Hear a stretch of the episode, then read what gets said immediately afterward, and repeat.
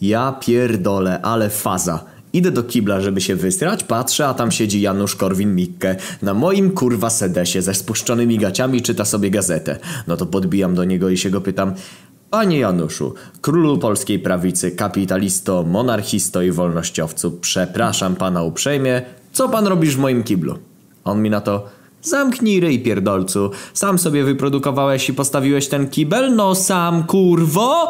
W imię wolności oraz własności prywatnej przejmuję ten kibel i zamierzam go oddać tym, którzy go wytworzyli. Nie wolno niczego zabierać twórcom, to brawowici właściciele. Nic tylko byś żył i żarł, pierdolona lewacka świnio. Daj coś z siebie więcej niż ten kawałek gówna, który przyszedłeś tu wysrać.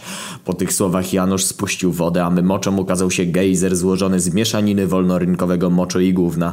Nawet na Islandii takich nie było. Korwin rozpłynął się w nim niczym niewidzialna ręka rynku interweniująca, gdy brakuje równowagi na rynku. W całym sraczu jebało od gówna i moczu, które rozpłysnęły się po ścianach. Spojrzałem na dno kibla, a tam była czerwona muszka, wąsy oraz rurkowce. Musiały przypłynąć z narowu mariańskiego aż do mojego sedesu. Zamknąłem drzwi i przez kilka lat tam nie wchodziłem.